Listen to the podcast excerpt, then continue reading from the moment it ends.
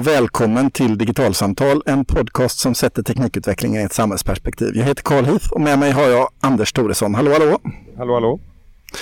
Idag så ska vi prata på ett tema som både du och jag får frågor på ganska ofta och som handlar om, eh, väl egentligen tror jag det är en känsla eh, som vissa har av någon form av frustration kan man väl säga ofta som handlar om liksom, hur mycket måste jag kunna om det här med det digitala för att klara mig i livet och i samhället och så vidare. Vad, är, ja, vad måste jag kunna helt enkelt? Och, eh, ofta när den frågan kommer så ställs jag i varje fall lite ja, jag blir lite fundersam själv på vad, vad jag tänker om det och då ansåg vi att vi kände att det här var ett ganska intressant samtalsämne. Mm. Eh, någonstans om man bara lägger ribban någonstans så just idag så är det ju så att eh, om man ska få en bra möjlighet till att göra bank och postärenden, köpa och sälja fastigheter, prata med vänner, interagera med myndigheter, resa, köpa tjänster, och så vidare så förutsätter det att man behärskar och söka och manövrera sig på internet, ladda ner appar, eh, använda eh, bank-id till exempel. Eh, det är ju en eh, nivå som blir högre och högre hela tiden, är det inte så?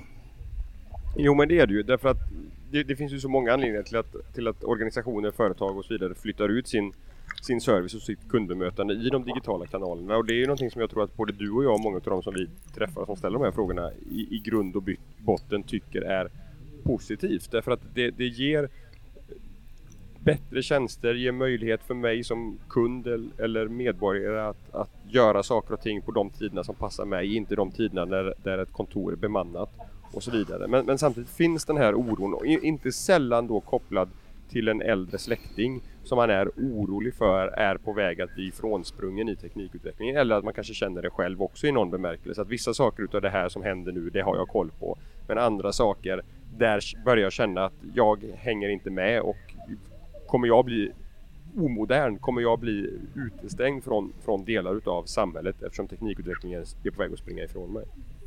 Nej, men precis. Och någonstans eh, där du började med liksom att det offentliga skapar tjänster för en digital tid och i en digital tid eh, så är det ju verkligen, och på något sätt så befinner vi oss där i ett litet paradigmskifte som väldigt mycket handlar om, tror jag, statens relation till medborgaren och det offentligas relation till mig eh, som bor i landet och så. För om man backar bandet lite grann så, så har vi haft någon form av liksom samhälleligt kontrakt, om man nu använder statsvetenskapliga referenser, där jag som medborgare betalar skatt och eh, sköter mig enligt lagen i utbyte gentemot eh, trygghet och säkerhet och, och, offentliga tjänster och produkter och vad det kan vara för någonting. Och den här eh, kontraktsindelningen på något sätt, den har ju varit i väldigt hög utsträckning geografiskt betingad. Det vill säga att jag betalar skatt på ett visst ställe, vi har en kommunal självstyrelse, eh, tjänster som händer i Göteborg är inte de samma som i Mölndal och så vidare. Jag kan rösta på min lokalpolitiker. Men med digitaliseringen så luckras ju den här geografiska indelningen eh, och geografiska grundsynen upp på något sätt. Jag tänker till exempel på, för inte alls länge sedan när jag själv blev sjuk eh, och står inför en situation där jag har valet att chansa på att få en drop-in-tid på morgonen och hänga med 70 eh, andra sjuka på vårdcentralen. Eller om jag drar upp den privata appen Kry och betalar lite mer men träffar en doktor i, eh, liksom, i min mobiltelefon eh, och löser min mm, sjuksituation eh, där. Det är en enklare, för mig enklare, smidigare och lättare lösning än att gå till vårdcentralen. Men det förutsätter ju att jag har BankID, att jag har kunskap om att den här appen finns, att jag har laddat ner den, att jag har eh, möjlighet till ekonomiska transaktioner på nätet och så vidare. Så det finns liksom en nivå av kunskap som jag på något sätt förväntas ha för att kunna ta del av en sån nyttighet. Det är det, men å andra sidan att du, att du som har den kunskapen och den förmågan väljer att göra ditt läkarbesök via Kry istället för att ta det till din lokala fysiska vårdcentral innebär ju å andra sidan att det är en patient mindre som läkarna där behöver hantera den dagen också. Så att någonstans är det ju ändå så att just i, åtminstone i det här fallet, och jag kan tänka mig att i ganska många fall kanske faktiskt är så att att vi som använder de här digitala tjänsterna kanske på många ställen också då eh, avlastar de handläggare eller de offentliganställda tjänstemän som behöver stå för den manuella hanteringen så att säga. Jag vet inte men det är bara någonting som slår mig spontant när, när du, när du tar det exemplet. Det är inte alls ja, färdigtänkt känner jag. Alltså någonstans så, så eh, liksom, det jag tänker är att liksom eh, eh, digitaliseringen förändrar ju mina beteenden. Men för att mina beteenden ska förändras, både till nytta för mig och för andra medborgare och för samhället, så förutsätter det just den här liksom baskompetensen. Och då är frågan, liksom, vad är det? Eh, måste alla ha tillgång till nätet? Alltså, jag, jag tänker på eh, Internetinfrastrukturstiftelsens eh, eh, årliga rapport Svenska Svenskarna och internet. Där eh, noterar de att i Sverige så är det över 90 procent som har tillgång till internet och 82 procent som använder nätet dagligen. Men det är ju samtidigt 7 procent, alltså det är ju 630 000 människor som står vid sidan av nätet i Sverige varje dag. Och när vi då digitaliserar allt mer av våra offentliga institutioner så ställs ju de här människorna åt sidan i någon mening. Ja men så är det ju och vi hade ett samtal för en, ett litet tag sedan med Per Lannerö på PTS som handlar om hur man kan bygga eh, webbplatser och tjänster och appar så att de är tillgängliga för alla de funktionsvariationer som finns.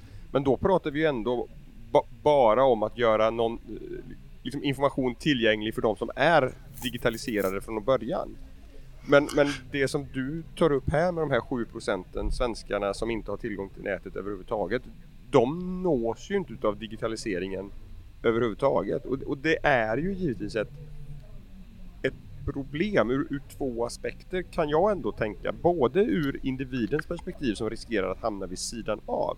Men också någon, någon slags um, resurshushållning med, med det offentligas samlade möjligheter att, att göra gott med skattemedel. Därför att många av de här digitala tjänsterna är trots allt effektivare än, än vad en, en manuell analog tjänst det, det, det ja, men, men, samtidigt så är det ju så att menar, alla medborgare har ju ett, i någon mening ett samhällskontrakt. Eh, och jag kan ju, ska ju liksom, vi ska vara lika inför lagen och lika eh, bemötta och här hamnar man ju i en i en klar komplexitet. Va? Om man då liksom bryter ner de här 7 procenten en smula så dels är det ju en ganska stor portion eh, äldre människor som aldrig började digitalisera sig eh, tidigare i livet som utgör de här 7 procenten.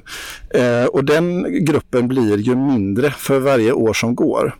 Eh, men det finns också Eh, andra grupper som till exempel nytillkomna till Sverige som kommer ifrån eh, mindre digitaliserade miljöer eh, som har en ganska så eh, rask resa att göra för att kunna ta till sig av eh, tjänster som samhället har att erbjuda. Jag menar, om, om du kommer ifrån ett land som inte överhuvudtaget digitaliserat så är en av de första frågorna i Sverige du får är om du har bank-id. Så är ju liksom klyftan där hyggligt hög egentligen. Mm. Och och det stämmer ju till eftertanke tänker jag. Liksom. Det finns ju väldigt hedervärda och goda initiativ för till exempel äldre. Jag tänker på Digidel-projektet som funnits i många år.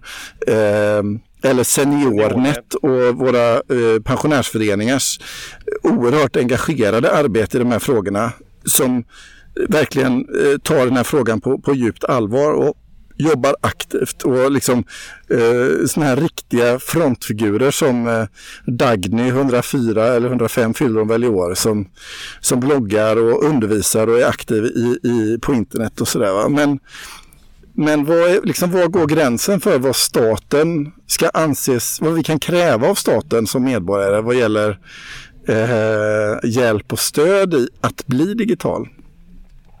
Det, det kan jag tänka mig att, att det kanske finns ganska mycket som man kan kräva men det är också värt att, att fundera på och reflektera över här att vi pratar också om någonting som är en övergångslösning tror jag. Därför man, återigen om man tittar vidare på den här statistiken så är det ju så precis som du säger att dippen kommer ju bland de äldre som är jag tror över 76 eh, år. Där, där man ser en väldigt kraftig nedgång till hur digitaliserade personerna är. Så ska man vara rent krass så är det här som i, i väldigt stor utsträckning kommer lösa sig självt på några års sikt. Att, att den, den här höga siffran 90 procent som har tillgång till internet den kommer bli ännu högre bara vi ger det lite tid om, om man får vara krass. Eh, men, men det innebär ju att då kommer det å andra sidan finnas en anledning att och det kan man ju börja göra redan nu, vända på hela resonemanget, inte fundera på i vilken utsträckning kan statsapparaten förvänta sig att medborgarna ska vara digitala och kunna ta del utav digitala samhällstjänster. Utan man kan ju också börja resonera kring vad vi som medborgare ställer för krav på det offentliga i form utav digitala effektiva tjänster. Återigen ur ett bland annat ett, ett resurs perspektiv där, där jag som skattebetalare, som medborgare vill att mina skattemedel ska, ska användas på så effektivt sätt som möjligt. Och att det då är i form utav lättanvända, eh, väl fungerande tjänster som, som utnyttjar digitaliseringens alla möjligheter. Alltså det är ju en nationell svensk eh, IT-strategi på gång som det verkar. Det har ju Peter Eriksson eh, mumlat om. Eh, och det finns ju uppdrag som redan har givits till exempel till myndigheter. Ekonomistyrningsverket har ju fått vissa sådana här uppdrag har jag förstått. Och andra myndigheter också att jobba för att Eh, göra staten mera effektiv i hur man använder och utnyttjar digitaliseringens möjligheter och hur man undviker eh, liksom, eh, fallgropar. Eh, samtidigt så är det offentliga väldigt stort och mitt möte med det offentliga som medborgare sker väldigt ofta i det lokala. I mötet på vårdcentralen, med skolan, i förskolan och så vidare. Och i alla de sammanhangen eh, så ser ju eh, systemen väldigt olika ut och det är ju krasst sett så att ett riktigt ruttet offentligt IT-system det påverkar ju mig som medborgare också. Alltså om min, eh, om min skola till exempel har en skolteknisk eh, IT-infrastruktur som är så dålig så att jag som förälder inte förstår den information som kommer ifrån skolan. Eh, så, så kan man ju knappast eh, lägga den skulden på mig utan måste rimligen lägga den på ett ruttet IT-system. Men om jag inte som medborgare eller förälder i det här fallet har kunskap om att avgöra vad som är ett dåligt IT-system och vad som är liksom att jag är dum.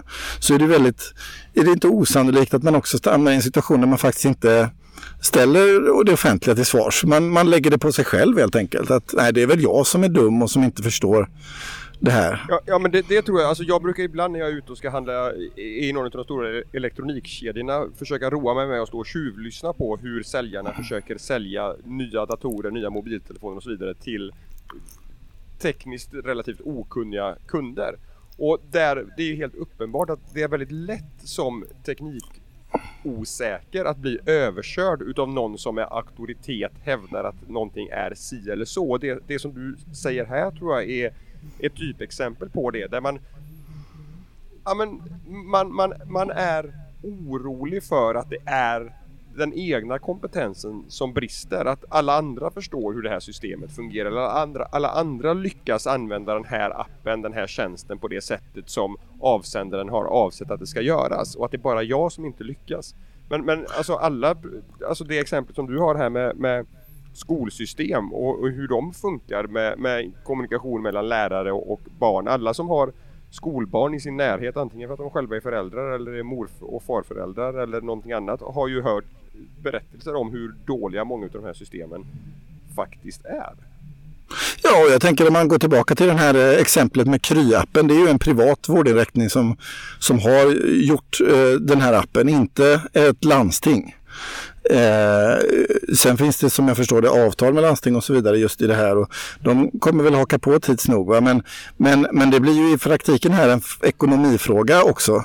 Eh, om jag har ekonomiska förutsättningar att nyttja den effektiva enkla apptjänsten så kan jag göra det. Eh, men om jag inte har råd med privat vård eh, så är jag hänvisad till ett eh, äldre och eh, mindre eh, användarvänligt system som innebär att jag får chansa på en kölapp på vårdcentralen. Och det är inte heller rimligen eh, det vi kan uppleva som eh, liksom att eh, offentliga tjänster ska bygga på likvärdig grund. Eh, det borde rimligen vara så att våra landsting eh, i samma takt och hastighet eh, och med höga knäuppdragningar tar fram tjänster och produkter som jag som medborgare kan dra nytta av eh, oavsett min ekonomi till exempel. Och, och där kommer man tillbaka till den här frågan, liksom, vad är det jag förväntas kunna som medborgare? Var sätter det offentliga nivån för vad man anser att nej, men det där borde alla veta? Jag menar, idag till exempel så utgår vi från att alla vet hur man eh, surfar på internet. Eh, för det finns oerhört många tjänster som direkt hänvisar dit. Eh, I våra liksom, medier så hänvisar man till eh, att diskussionen fortsätter på hemsidan eller chatten eller på Twitter eller sådär. Och det förklaras ju inte närmare utan man utgår ifrån att någon hittar dit och förstår hur man gör det. Eh, så där, är liksom, där har ju staten väldigt tydligt satt ner foten att att surfa på internet och att leta och hitta information där, det måste anses vara liksom en baskunskap på något sätt. Va? Eh, men frågan är liksom var, är, var sätter man den ribban och hur ser den ut? För det är ju någonstans också ett rörligt mål. Eh, nu börjar vi förvänta oss att man ska kunna ladda ner appar och ha tillgång till en mobiltelefon som är smart. Bank, BankID är också på något sätt en, en en bas, inte egenskap men, men någonting som man behöver ha för att kunna hantera väldigt mycket utav, utav kontakten med det offentliga. Åtminstone som, som småbarnsförälder. Ja, vänder vi på kuttingen eh, som man har gjort i Finland så har man haft en ganska aktiv diskussion om eh, tillgång till internet eh, utifrån ett mänskliga rättigheter perspektiv. Eh, mänskliga rättigheter. Och, och, och, och, mänskliga rättigheter, om vi bara tar dem som ett Eh, Eh, FNs konvention om mänskliga rättigheter föreskriver ju bland annat att alla medborgare, alla människor ska ha rätt till eh, att uttrycka sin kultur, rätt till utbildning, rätt till föreningsfrihet och åsiktsfrihet. Eh, för att nämna bara några rättigheter. Och alla de här fyra i det här fallet, de bygger ju på en föreställning eh, om att jag ska kunna ha tillgång till kultur eller utbildning. Eller jag ska, det, det, är en mänsklig rättighet att ha det. Och om de här tjänsterna ligger på nätet och är digitala, om min kulturutövning är en eh, digital kulturutövning eller om eh, möjligheten till att dela åsikter med det offentliga finns på Facebook eller på en myndighets webbsida, ja, då blir det ju någonstans eh, också implicit en mänsklig rättighet att faktiskt kunna ha tillgång till de här platserna. Ja, så, så måste väl rimligen vara. Och då är frågan hur, hur lever det offentliga upp till det? Ja, och det, liksom, absolut. Och man hamnar i en fråga om liksom, vad, är det, vad är det staten ska och bör göra i relation till medborgarna. Eh, men att ta ett sånt eh, sak som eh, nytillkomna svenskar som kommer hit. Eh, på vilket sätt eh, möter de det svenska samhället utifrån att det är digitaliserat? Eh, vad kan vi utgå ifrån att alla borde ha som kommer till Sverige? Kan vi utgå ifrån det? Behöver vi ha eh, och ge folk den typen av kunskap? Eller om vi tar ungdomar, nu har vi ju som vi har pratat om tidigare på den eh, förslag på nationella IT-strategier och nya kurs och läroplaner och skollag i Sverige som tar utgångspunkt ifrån digitaliseringens möjligheter och utmaningar. Och där lägger vi ju någon mening i ribban i skolan och säger att det här är vad alla förväntas kunna i vår obligatoriska svenska skola. Och där blir det ju någonstans inte omöjligt så att det någonstans blir en ny norm och att de här liksom frågan om vad vi ska anses kunna så att säga, höjs gradvis hela tiden eh, i takt med att vår teknikförändring och teknikutveckling eh, fortgår och pågår. Det är inte så att det här är en liksom statisk diskussion och att har jag lärt mig någonting nu så är det klart. va? Hade jag lärt mig någonting klart 2001 så hade jag fortfarande inte förstått vad Youtube och Facebook är. Och det kanske ligger en del i detta, just det att vi har den här idén om att vi lär oss i början av livet och sen lever vi på den kunskapen resten av livet och att vi här hamnar i en situation där digitaliseringen utvecklas och går så fort hela tiden att vi behöver så att säga, kontinuerligt hålla oss själva uppdaterade om förändring och utveckling för att själva kunna liksom funka och leva i vårt samhälle. Och den snabbheten eh, i sig självt förändrar just förutsättningarna för mig som medborgare. Jag kanske inte hade det behovet i bonde och industrisamhället. Men i ett, i ett postindustriellt interaktionssamhälle så, så uppstår detta helt plötsligt som ett krav. Jag behöver följa med i tiden och när tiden går snabbare måste jag lära mig nya saker fortare helt enkelt. Ja men det, det, tror jag liksom att man kan verkligen slå fast att det går inte att se sig som färdiglärd när det gäller hur den här nya digitala tekniken fungerar, eh, påverkar och tillämpas. Utan det är någonting som, där får vi kanske ha som ett visst krav att en, en viss livslångt lärande när det gäller de här frågorna kommer nog kanske faktiskt att, att behövas. Men jag tänker också på en annan sak när du pratar om Eh, de nya läroplanerna och hur digitaliseringen ska in i, i, skolan. Det är ju ett resonemang kring Alltså, vi, vi sa tidigare att det är en generationsfråga, att vi ser att, att dippen kommer bland äldre. Men man kan ju också fundera på vad de unga egentligen kan. Att det är inte så himla självklart att Alltså en, en, en, en tonåring idag vet hur man installerar en app och kan antagligen med lätthet när det är dags för det lära sig använda ett bank-id. Men det finns ju också en, en massa andra aspekter utav digitaliseringen som innebär att man faktiskt ja, men, frågor som källkritik och en, en viss förståelse för hur apparna, plattformarna, tjänsterna fungerar och kapitaliserar på oss som användare är ju också en del utav den här digitala kompetensen, samhällskompetensen som, ja men liksom det är utgångspunkten för hela den här podden egentligen. Som man, som man behöver ha för att inte eh, riskera att bli valboskap eller bara en, en nyttig, nyttig, nyttig idiot till kommersiella intressen utan faktiskt kunna ha ett kritiskt förhållningssätt till ganska mycket. Och det är ju också någonting som ja, som ligger bakom hela det här eh, arbetet med den nya läroplanen. Att man, man har sett att de här kompetenskraven finns och de uppfylls inte av sig självt utan man behöver ha någon som pratar med ungdomar och lär dem eh, vad, vad algoritmer är, konsekvenser utav personalisering, Uh, hur undviker man kontokapningar? Det, det, finns ju liksom både de stora systemfrågorna här som påverkar på, på verkligen övergripande samhällsnivå men också väldigt uh, personligt näraliggande saker som också påverkar uh, min teknikanvändning och de risker och de möjligheter som finns ute i en digital miljö. Nej men verkligen. Och, och, och, vad som också komplicerar det hela här det är ju att, lite grann det vi var inne på innan, det är ju att eh, frågan uppstår liksom i brytpunkten mellan vad jag behöver kunna och kontinuerligt lära och vilka krav och förväntningar jag kan ställa på, på det offentliga. Och ett perspektiv som vi inte har nämnt eh, i det här sammanhanget eh, än så länge just nu i vårt samtal, det är ju också vad vi kan förvänta oss av beslutsfattare. För jag menar väldigt mycket av detta handlar ju om att Eh, om jag som medborgare ska kunna förväntas kunna en mängd saker eller verka och använda digitala tjänster, så som vi var inne på nyligen så, så måste ju såklart de tjänsterna vara bra och funka eh, för mig. Och en förutsättning för att det ska ske i sin tur, det är ju att de som fattar beslut i stat, kommun och landsting har en tillräcklig kompetensnivå för egen del för att kunna fatta eh, empiriskt belagda eh, goda beslut eh, som är till gagn för, för alla. Också inom digitaliseringsområdet och här har vi tror jag ytterligare en utmaning för min upplevelse eh, utifrån eh, den position och de möten och sammanhang som jag har det är att det är inte sällan så att väldigt högt uppsatta beslutsfattare eh, ofta saknar de här kompetenserna och på det sättet eh, i någon mening eh, bryter eh, den delen av kontraktet som ligger på statens sida eller kommun och landsting.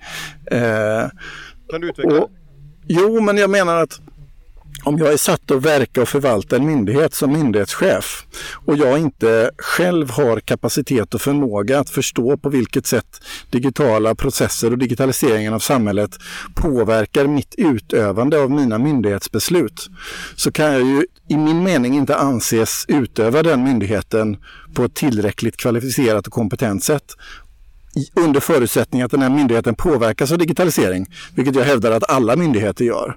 Det borde ju någonstans ligga i, i eh, sakens natur att en, en chef som, som är att eh, leda och styra en verksamhet, precis som man behöver kunna eh, eh någonting visst om eh, personalfrågor och någonting visst om ledarskap och något visst om, om verksamhetens innehåll, också i någon mening behöver kunna se och förstå grundläggande eh, frågeställningar som har med digitalisering att göra. Också i en tid av förändring. Det räcker kanske inte med det man gjorde på 90-talet eller början på 2000-talet och leva på gamla eh, meriter utan det kräver ett liksom kontinuerligt lärande också för de allra högst uppsatta personerna både i offentlig sektor och näringslivet. Och, och eh, någonstans, om man då pratar om liksom, vad är det för IT man ska behöva kunna, så skulle jag säga att ja, men människor i samhället som utövar makt över andra, de, de har ett särskilt ansvar i den här frågan eh, som ligger på dem eftersom deras beslut påverkar så oerhört många människor. Och det har ju också varit ett ämne för ett tidigare avsnitt i, i podden, nämligen det här med, med hur det offentliga kan bli en bättre kravställare i upphandlingen utav IT-system till exempel. Och det, det kopplar ju verkligen till det här också att att man som tjänsteman, en, en organisation, en myndighet kan inte ha all kompetens som behövs för att bygga de här olika systemen. Det, det är fullkomligt självklart. Men däremot måste man kunna vara en god kravställare som ser till att systemen är säkra, de skyddar medborgarnas integritet, de är lättanvända, de har, hög tillgänglighet och massa andra sådana här aspekter.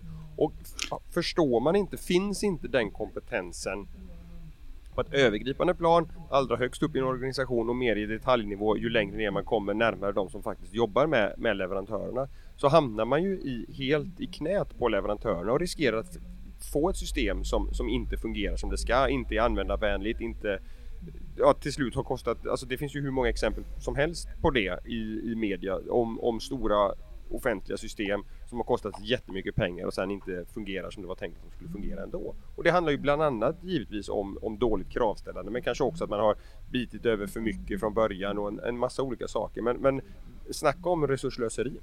Ja men absolut. Va?